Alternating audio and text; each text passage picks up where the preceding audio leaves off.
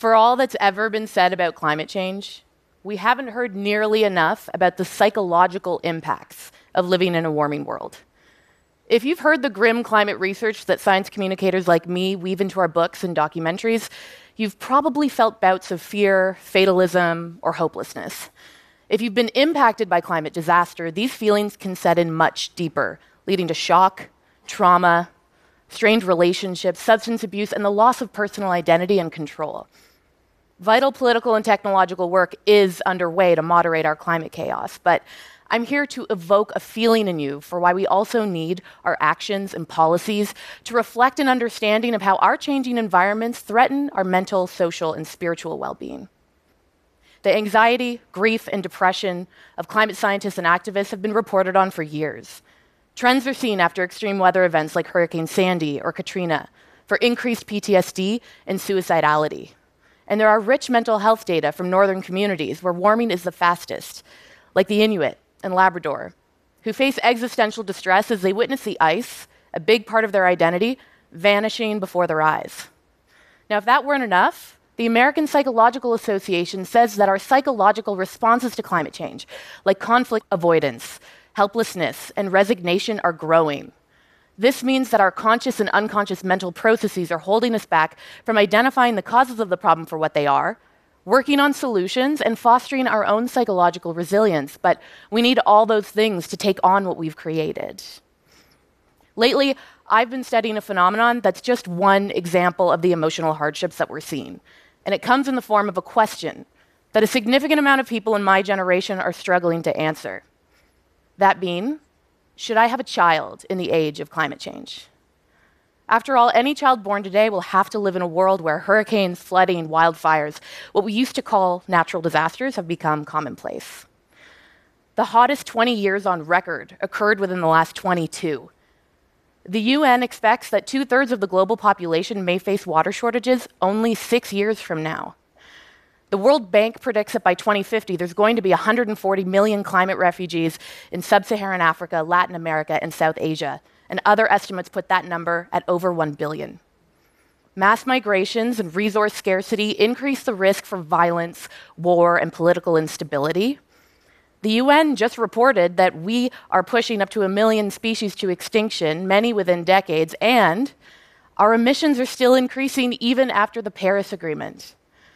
Over the last year and a half, I've been conducting workshops and interviews with hundreds of people about parenting in the climate crisis. And I can tell you that people who are worried about having kids because of climate change are not motivated by an aesthetic pride. They're nerve wracked. There's even a movement called Birth Strike, whose members have declared that they're not going to have kids because of the state of the ecological crisis and inaction from governments to address this existential threat. And yes, other generations have also faced their own apocalyptic dangers, but that is no reason to disregard the very real threat to our survival now. Some feel that it's better to adopt children, or that it's unethical to have more than one, especially three, four, or more, because kids increase greenhouse gas emissions.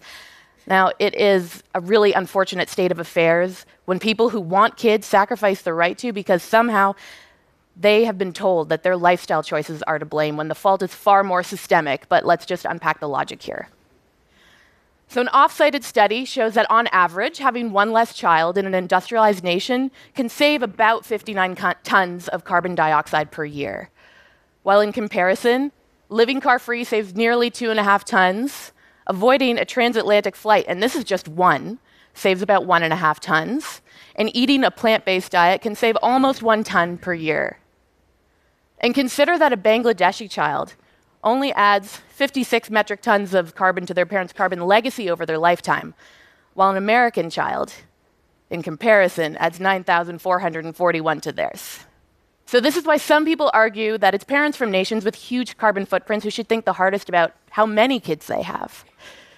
But the decision to have a child and one's feelings about the future are deeply personal and wrapped up in all sorts of cultural norms, religious beliefs, socioeconomic status, education levels, and more. And so, to some, this debate about kids and the climate crisis can seem like it came from another planet. Many have more immediate threats to their survival to think about, like how they're going to put food on the table when they're a single mom working three jobs, or they're HIV positive, or they're on the move in a migrant caravan. Tragically, though, climate change is really great at intersectionality. It multiplies the stresses that marginalized communities already face. A political scientist once said to me that a leading indicator that climate change is starting to hit home, psychologically, would be an increase in the rate of informed women deciding to not have children. Interesting. Is it hitting home with you psychologically? Are you perhaps someone with climate linked pre traumatic stress? A climate psychiatrist coined that term, and that's a profession now, by the way, shrinks for climate woes. They're getting work at a time when some high schoolers don't want to apply to university any longer because they can't foresee a future for themselves. And this brings me back to my main point.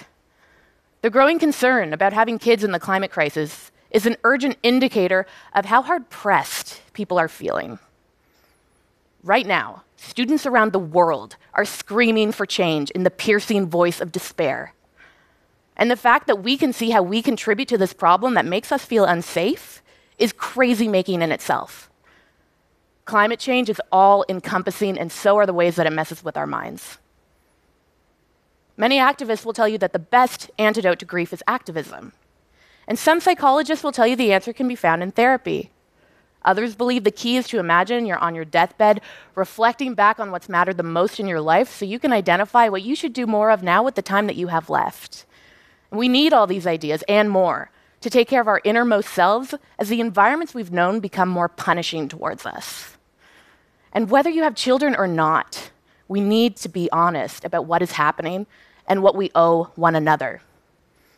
We cannot afford to treat the psychological impacts of climate change as some afterthought because the other issues of science and technology and the politics and economy feel hard, while this somehow feels soft mental health needs to be an integral part of any climate change survival strategy, requiring funding, an ethics of equity and care, and widespread awareness. Because even if you're the most emotionally avoidant person on the planet, there's no rug in the world that's big enough to sweep this up under. Thank you.